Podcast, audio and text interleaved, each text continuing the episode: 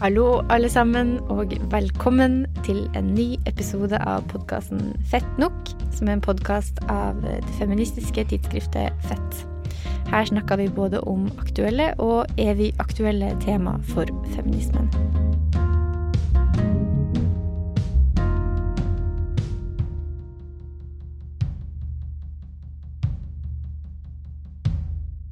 Jeg heter Hanne Linn Skogvang og er ansvarlig redaktør i Fett. Og med meg her i studio i dag så har jeg Mari Lilleslåtten Hei, hei. og Mona Gibril. Hallo. Eh, aller først så må man kanskje si velkommen tilbake, Mona, for du har vært borte fra oss ei stund. Ja, takk. Um, jeg fikk korona og eh, bilbetennelse. Så ja, det var ikke noe gøy. Jeg var syk i to uker. Men uh, nå er jeg frisk. Um, litt kjipt at eh, Trump ble friskere mye fortere enn meg, men Men. Du er en overlever. Ja. Ja, Vi er i hvert fall eh, veldig glad for å ha deg tilbake. Glad for å være tilbake. Både podkast og studio. Eh, og eh, apropos Trump, så sitter vi jo her på en tirsdag og tar dette opp. Og det er ikke hvilken som helst tirsdag, men også den dagen da vi eh, Da amerikanerne skal bes- bestemme hvem som blir president de neste fire årene. Det vet vi ikke helt hvordan det kommer til å gå. Akkurat nå så skal vi ikke bruke så mye tid på det heller, men eh, Men hvem vet hvordan verden ser ut når dette er publisert? ja, det er ikke godt å si. Spennende. Men jeg er veldig glad for at vi slipper å snakke om det i dag.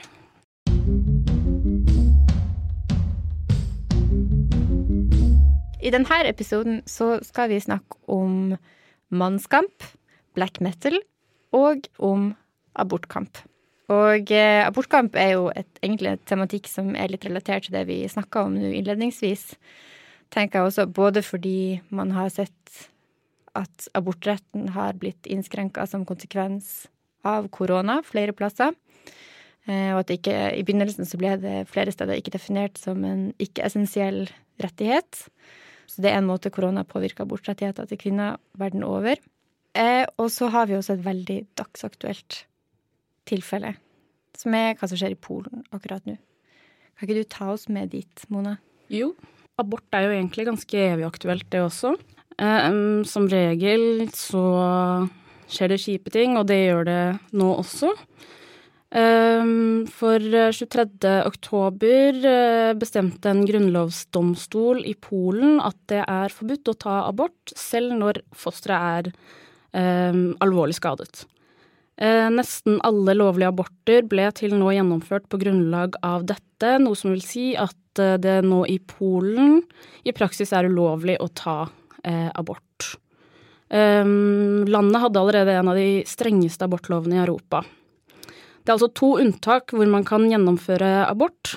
Eh, det er om eh, kvinnens liv eh, eller helse er i fare, eller om de har vært utsatt for enten voldtekt eller incest. Men så var det en ny utvikling i dag, var det ikke, Mari? Ja, altså at regjeringen Det er jo massive protester i Polen. Og selv Polens regjering virker jo, virker jo å legge merke til det, sånn at de i hvert fall har utsatt implementeringen av den avgjørelsen. Men eh, det er ikke, det er ikke en, en eh, veldig lysende fremtid for, eh, for Polens kvinner. Nei. Man må kanskje bare gi litt honnør til de polske kvinnene også. De klarte jo å stanse forslaget om å innskrenke en veldig streng abortrett allerede i 2016, også med massiv mobilisering. Det er jo en protest som ble kjent som Black Monday, da alle gikk i sort og tok til gatene. Og sjøl da forslaget først kom opp i våres, så og selv om da forsamlingsfriheten var ekstremt begrensa, så klarte jo også veldig mange polske kvinner å protestere på veldig kreative måter. På sykkel, i bilen, fra vinduer osv. Så, videre, så klarte å markere veldig tydelig motstand. Det er også noe som Agnieszka Graff, som vi hadde på besøk hos Vets for et år siden, og som skrev i vårnummeret om by og bygd, og så skrev et langt essay eh, der hun skrev litt om kunstneriske protester mot regjeringa i dag, og eh, deres abortpolitikk. Mm, men ja, som du sa, så har det vært demonstrasjoner, og de har vært ganske voldsomme. Og um, nå er det jo også ganske heavy korona, både tiltak restriksjoner og ja, pågang av smitte. Men jeg leste liksom ganske voldsomme overskrifter, i norsk media iallfall, om at disse kvinnene sa at ja, nå er det krig, og vi har ingenting å tape. Og så har det vært liksom sammenstøt mellom politiet og demonstrantene også. Så da tenker jeg sånn, hva er det som egentlig er greia? Har liksom folk mer energi og tid, liksom, under korona? Hva tenker dere? Eh, vanskelig å si. Og, og, altså, det er jo åpenbart at de har energi og tid, fordi at nå er det så eh, store demonstrasjoner dag etter dag. Og eh, altså, Lene Agnieszka Graff, som bare anbefales å følge med på da nå, eh, sier jo at det var altså Bare i løpet av en uke så har det måttet gått fra å være en, en metafor til å bli en helt reell beskrivelse av hvordan tilstanden i Polen er. Fordi folk er så fed up at nå er det liksom den regjeringen her må, må bort. Men eh, ja, at de orker Det er jo litt sånn som jeg tenker om eh, om kvinner som har kjempet for retten til abort, og gjør det mange steder. At det er en sånn Man bare gjentar det samme og samme og samme igjen. At dette er helt sånn grunnleggende en rettighet som man burde ha, og som så mange steder nektes. Eh, nektes, da. Og det Ja, at, eh, at folk står på. Det er beundringsverdig og veldig, veldig viktig. Ja, mm. jeg tror også det er litt det at de har stått i det i flere år nå. Så det, mm, de, det ligger veldig ferskt i minnet hos disse polske kvinnene. Og så er det nok også, tror jeg, en sånn egen energi i abortspørsmålet. Egentlig, Du har jo sett det i Norge også med en gang bare spørsmålet om abortloven blir liksom rørt med sånn helt forsiktig ved av regjeringa, så har folk mobilisert massivt. Det har ikke kommet på tale. Og nå har vi jo Vi fikk jo en historisk innskrenkning av abortloven i fjor, var det vel, mm. Eh, med KrF i regjering, og det er jo ikke en kjempestor sak, men folk var rasende eh, likevel, fordi det er viktig nok for dem, de kvinnene det angår, og det går så veldig inn på kvinners selvbestemmelse. Eh, så jeg tror det er litt det, også, det ser man jo også i historien om abortkampen fra 70-tallet, før det ble vedtatt også enorm energi og mobilisering i den kampen, helt til det til slutt fikk det banka gjennom. Det var vel med én stemmes flertall i Stortinget, tror jeg også. Men uh, her hjemme så fikk vi um, også et forslag fra SV. Eh, partiet ønsker å gi polske kvinner gratis abort i Norge. Um, og det er ganske radikalt. Uh, har dere sett noe lignende? Jeg har sett det forslaget. Strålende forslag, spør du meg. Altså, det er jo mange Altså, man kan jo Alle kan jo ta abort i, i Norge, men betale for det. Så det å sponse den Altså, jeg sjekka hvor mye det koster. Det er jo kanskje da sånn fra 2000 til 7000 eller noe sånt noe, da. Og eh, det Hvorfor ikke, liksom? Ja. Mm. Men uh, samtidig så er jo reaksjonene fra noen av de andre partiene litt sånn ja, mm, eh, vi støtter eh, alt, men dette var et litt rart forslag. Eller sånn, jeg tror det var et litt overraskende forslag, da. Jeg syns ikke det er så rart forslag. Jeg syns det er ganske kult at SV fremma det, og solidarisk. Og jeg tenker også med litt sånn historisk bevissthet. Polen er et av de landene som veldig tidlig hadde en liberal abortlov, der det var lov til å ta abort. Så det er flere kvinner som har reist fra andre land til Polen for å ta abort, eh, historisk sett. Og eh, da tenker jeg også at eh, det har en litt sånn historisk sus over seg også, at kanskje Norge kan ta den rollen nå. Ja. Det, var, det visste jeg ikke. Men ja, som du sa, så er det jo mulig å ta abort i Norge som turist eller som utenlandsk statsborger. Eh, og Bent Høie sier jo det, og sier at eh, han sier rett og slett vi kan hjelpe dem der de er. For eh, han sier eh, ordrett at det skal jobbes for at kvinners rettigheter ivaretas i Polen. Eh, og hvis man kommer til Norge, så er det greit at man bare kan betale, men som du sier, så er det jo ganske dyrt. Og for en polsk kvinne da, som også må eh, reise hit, så er det jo egentlig i praksis ikke mulig å ta abort i eh, Norge. Så det faller litt gjennom, syns jeg. Mm. Og jeg syns også det er en veldig ålreit uh, Veld, veldig kult, egentlig, av SV. Og um, som han uh, helsepolitisk uh, talsperson sier, vi har råd til det. Og jeg er helt enig. Vi har råd til sykt mye mer. Jeg syns vi skal bare chatting, pøse ut. Absolutt. Uh, og om ikke Altså en ting er jo å få det banka gjennom politisk, men eh, jeg ble også litt sånn Fordi at eh, det der med å gå i demonstrasjonstog er jo en kan jo være en fin opplevelse, på en måte, men det oppleves jo ikke alltid som at sånn man får bidratt så veldig. Hva hjelper det, på en måte? Men eh, jeg vet ikke, kan man ha et fond? Pengesamling? Hjelp polske kvinner å ta abort, liksom? Det er Jeg tenker jo strategiene for å, for å gjøre noe med dette spørsmålet er jo selvfølgelig ja, påvirke polsk politikk i riktig retning, men for en som er gravid akkurat nå, så hjelper ikke det sånn veldig mye om dette endres om noen år. Og da er jo den eneste løsningen er å omgå reglene. Og det gjør jo folk selvfølgelig også i stor stil i Polen. Men eh, ja, alt som kan gjøres for at man får en tryggere opplevelse. Mm. Og som vi vet, så er det ikke sånn at hvis det er ulovlig å ta abort, at det gjør at folk ikke tar abort. Det blir bare ulovlige aborter og flere som dør mm. av det. Ja, og det er ekstremt tidssensitivt, som du sier. Mm. Også. Ja, og jeg har også tenkt litt på det samme. Jeg syns det er kjempefint å se at norske kvinner også mobiliserer. Og det er sikkert eh, både kvinner og menn som gjør det, for så vidt. Jeg eh, vet, har fått med meg flere demonstrasjoner i Norge bare den siste uka.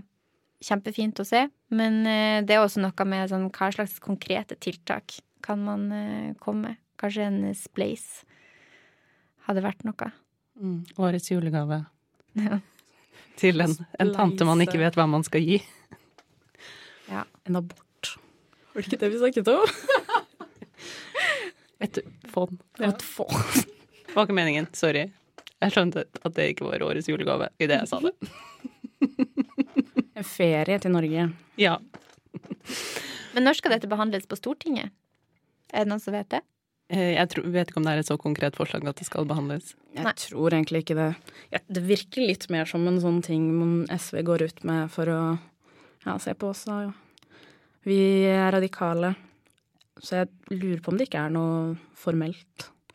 Nei, men da tror jeg vi kan avslutte denne sekvensen med å gi en oppfordring til Nicolas Wilkinson, tror jeg det er som har fremma forslaget om å fremme det som et helt konkret proposisjon som kan behandles i Stortinget også, kanskje. Mm, ja, hvis du hører på Nicolas. Ja, og de andre må, partiene må stemme for, selvfølgelig.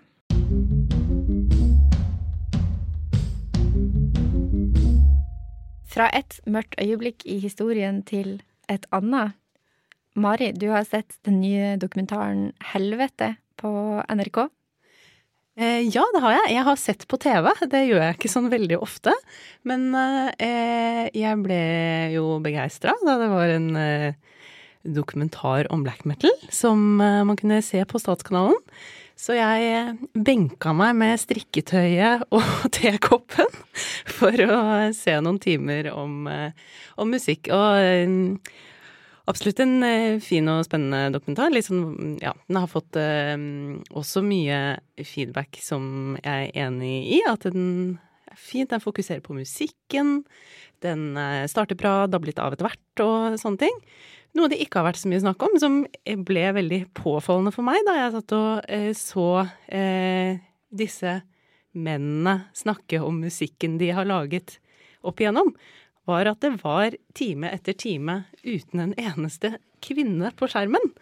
Um, og det kan jo høres litt sånn surmaga ut, da, men samtidig så um, Jeg ble bare litt sånn overraska over at uh, man kan lage TV i 2020 og ikke snakke med en eneste dame om musikk som jeg tenker at det er veldig mange kvinner som hører på, enten er måte, nysgjerrig på eller har et veldig nært forhold til. Så, eh, så jeg, har, jeg, har, brukt litt tid på å snakke om det med mange, egentlig. Om flere reagert på det, og det er det i grunnen mange som har gjort. At eh, det, er, eh, det er fire episoder da, som er sånn ca. en time hver.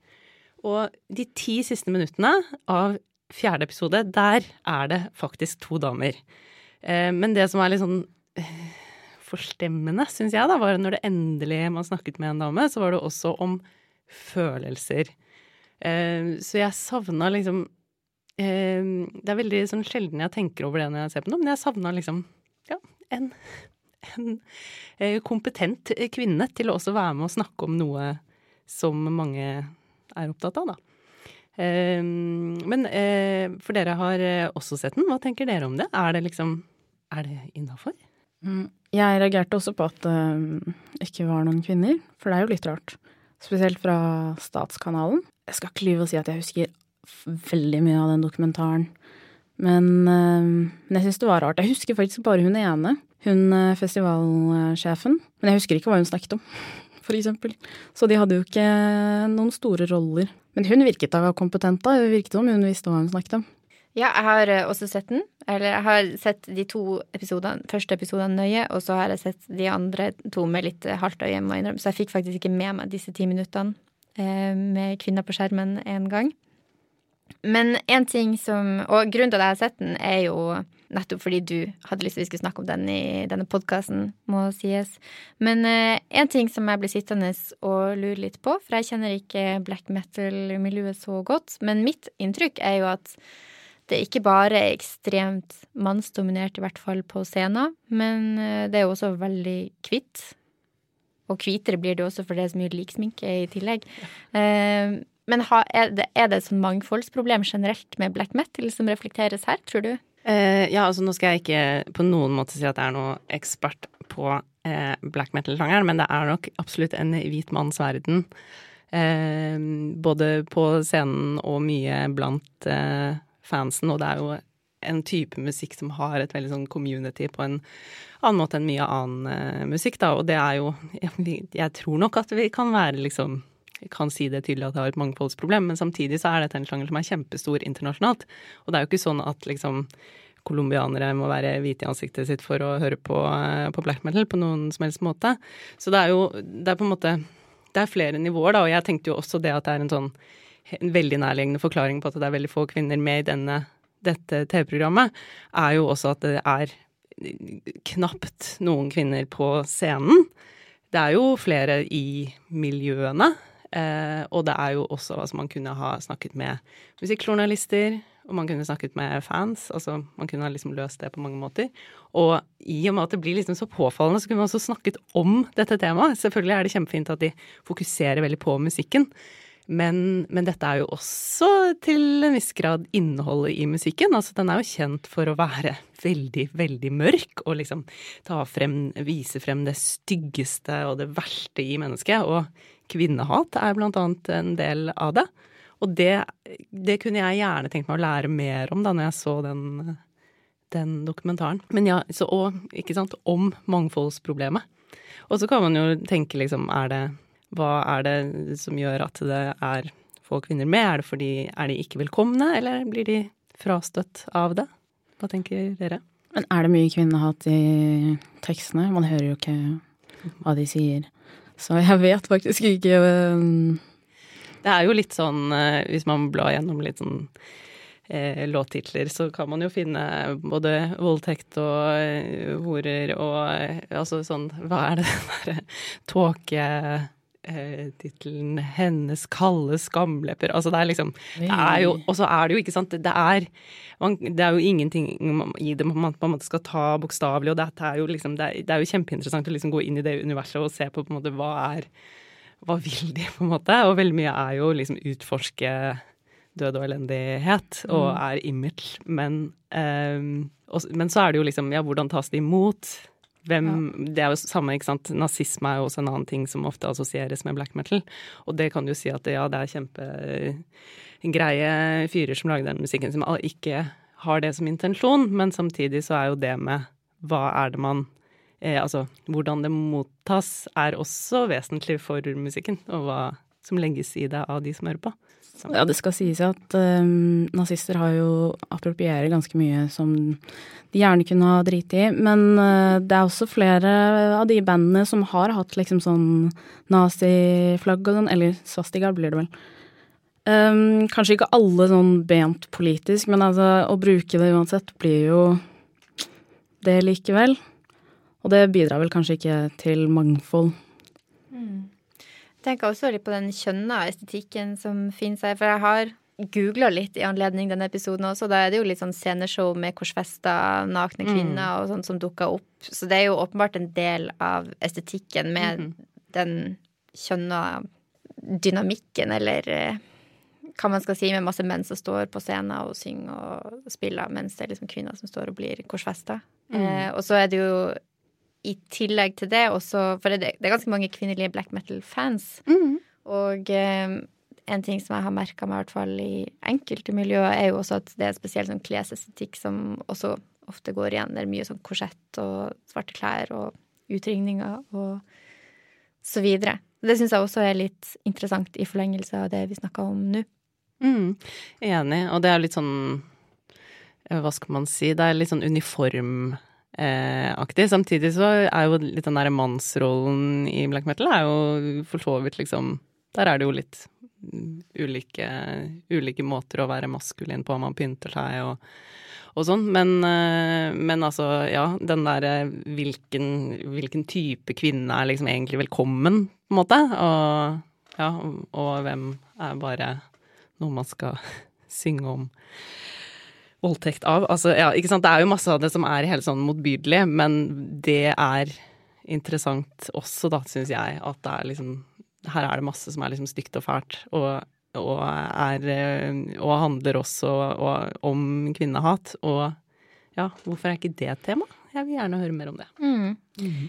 Enig. Jeg tenker jo at tekstene også Altså, det finnes måter å rettferdiggjøre dersom man har lyst til å lage bare en dokumentar om musikken, for mm. eksempel. Fordi de snakka masse om estetikken og miljøet mm. rundt i den dokumentaren, for det første. Og så er det i tillegg dette med tekster, som jeg ikke føler de snakka så mye om, kanskje, om i dokumentaren. Det er vel kanskje ikke det viktigste i sjangeren, da. Eller ikke det som vektlegges der. Men på tross av disse innvendingene, Mari, anbefaler du dokumentaren? Har du eventuelt noen innspill til NRK før om de skal lage en sesong to? Eh, ja, altså sånn Jeg syns man lærer noe av å se den, så altså absolutt. Særlig kanskje de to første episodene. Men eh, anbefalingen må jo helt åpenbart være å gjøre Altså sånn Jeg syns jo det ser ut som når man kaster inn noen damer de siste ti minuttene, at, at man har kommet på denne problemstillingen kanskje litt sent. Jeg trodde det var litt lengre fremme eh, i kulturavdelinga i NRK, liksom. Så neste gang, eh, bare snakk med noen damer.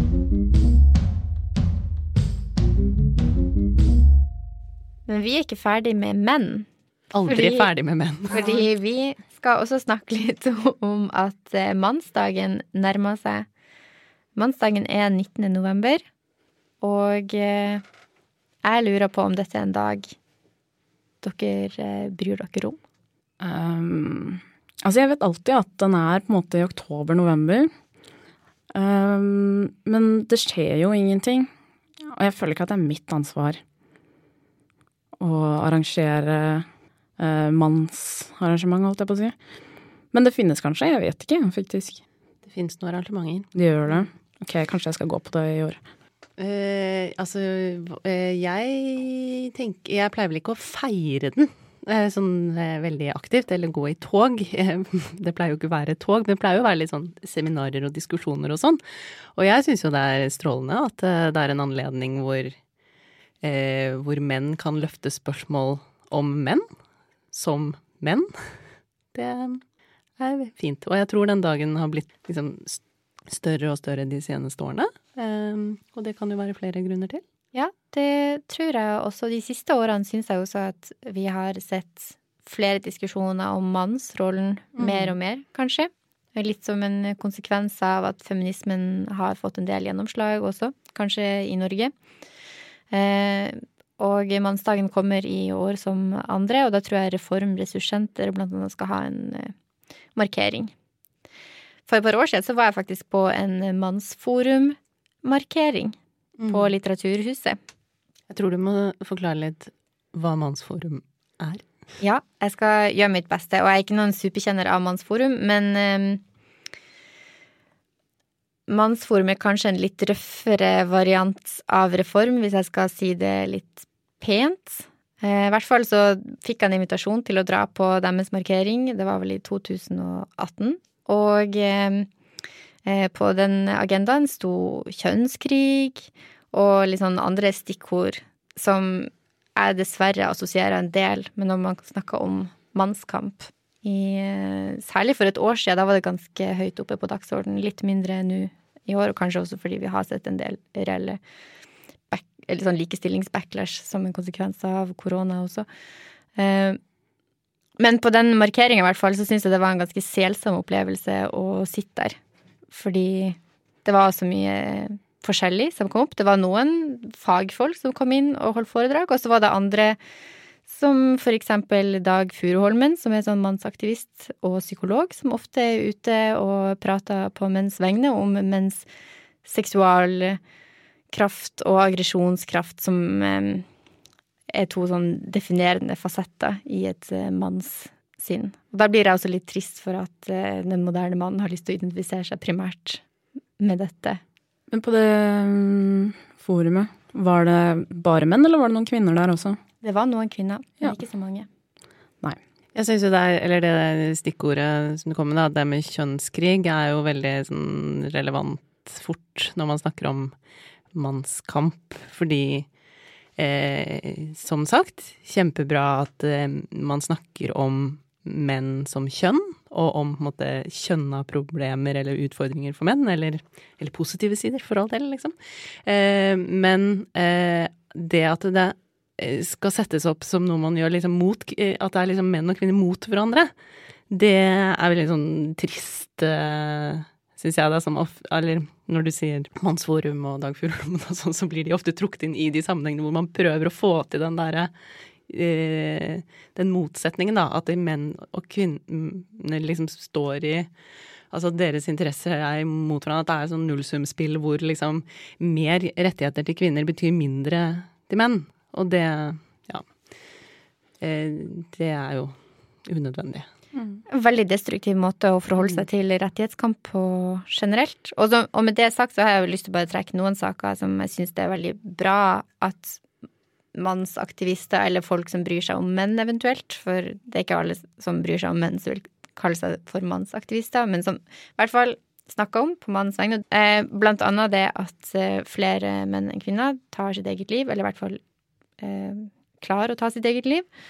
Eh, at eh, for eksempel menn i møte med helsevesen og politi kanskje har lavere troverdighet når det kommer til seksuelle overgrep eller vold i nære relasjoner, særlig hvis det er utført av kvinner.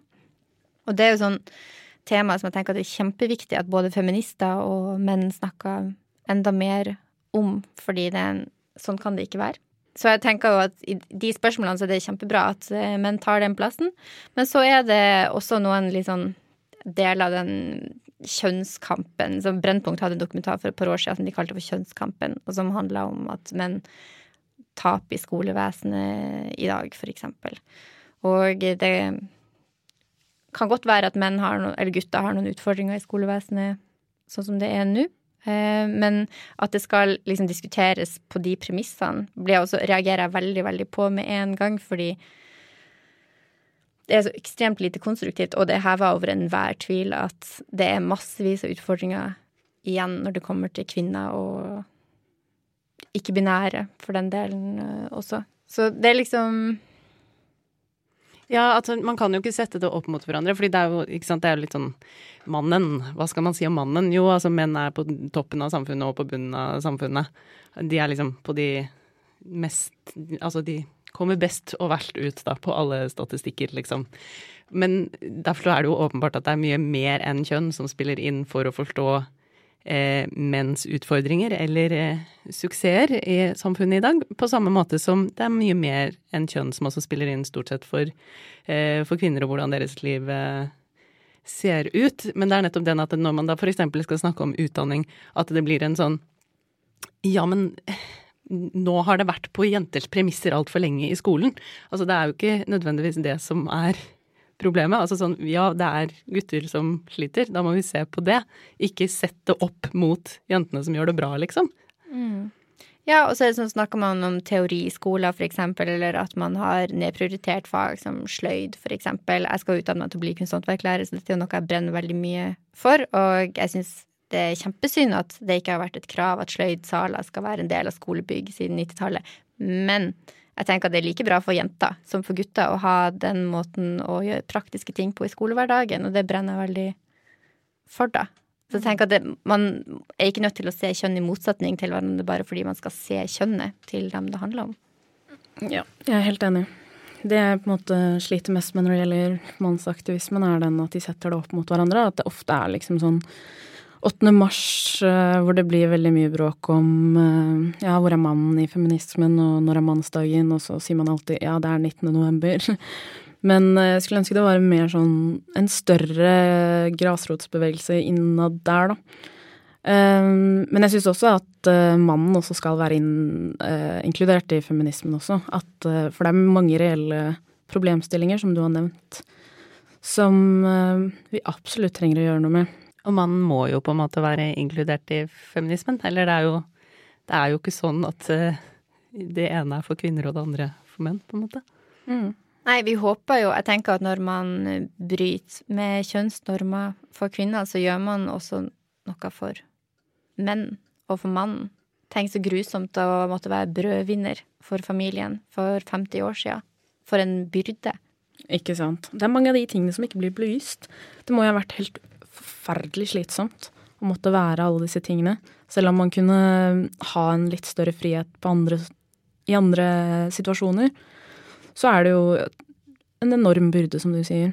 Og det er jo nettopp interessant med å, å begynne å snakke mer om mannsrollen som ikke som normen eller som noe som bare er sånn, men noe som er en, en, rolle som er konstruert, en forventning som er til menn, og som jo er på en måte mye av det som, som snakkes om i dag, ikke sant, med hvor man faller mellom flere stoler, det er ikke noe plass for liksom eh, Altså arbeiderklassemann eller for eh, machomann eller gud vet Altså de det visstnok ikke er en plass til, liksom. Altså, det er jo klart at hvis det blir en krasj mellom forventninger fordi de er fra en annen tid, og hvilke muligheter du har til å utfolde deg og liksom gjøre noe at det blir vanskelig.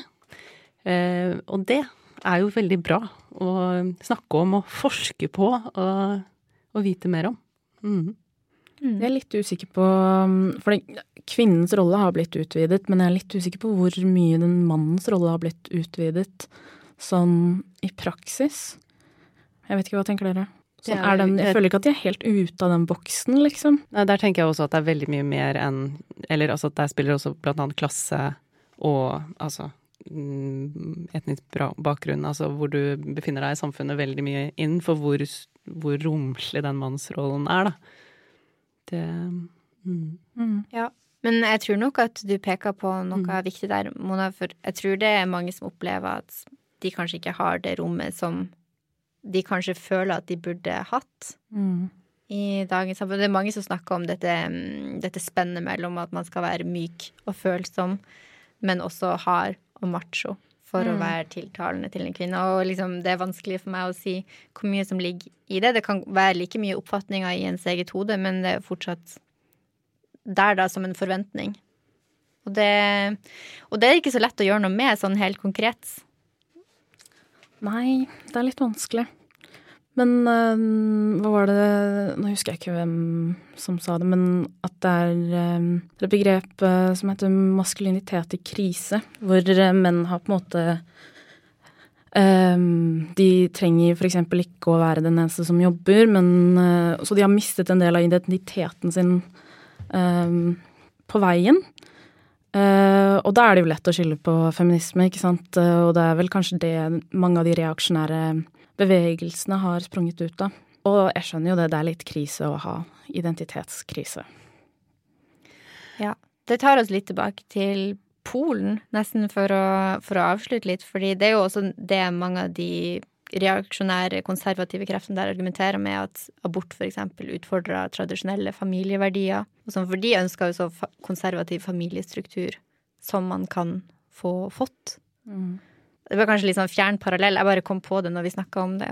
Ja, men det er, jo, det er jo mange som mm, på en måte spiller på en sånn slags nostalgi for et eller annet som vi ikke helt vet hva er, på en måte. Som er da alle hadde det fint, og menn kunne være menn, og, og kvinner kunne være kvinner, og ingen problematiserte det, på en måte. Men samtidig så er det et, et veldig konstruert eh, minne, tror jeg.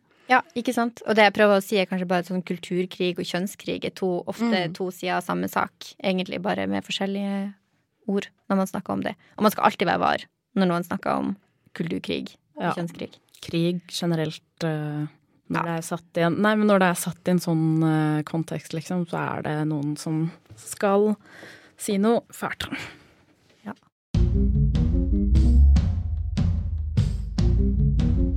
da vil jeg bare si tusen takk for at du har eh, hørt på denne episoden av podkasten Fett nok. Her i studio i dag så har du hørt Mona Jibril, Mari Lilleslåtten og meg, meg, Hannelin Skogvang. Ellers i redaksjonen så finner du også Eline Hystad, som er produsent i tillegg, og Jenny Schnaller og Eira Ingersdatter. Musikken du har hørt, er laga av Anna Linn Berg. Logoen er tegna av Kjersti Johanne Barli. Vi har tatt opp hos Radio Rakel og er støtta av Fritt Ord og Kulturrådet. Hvis du har lyst til å høre flere episoder av Fett nok, så anbefaler vi også at du tegner et abonnement på tidsskriftet Fett. Da blir det lettere for oss å gjøre dette mer.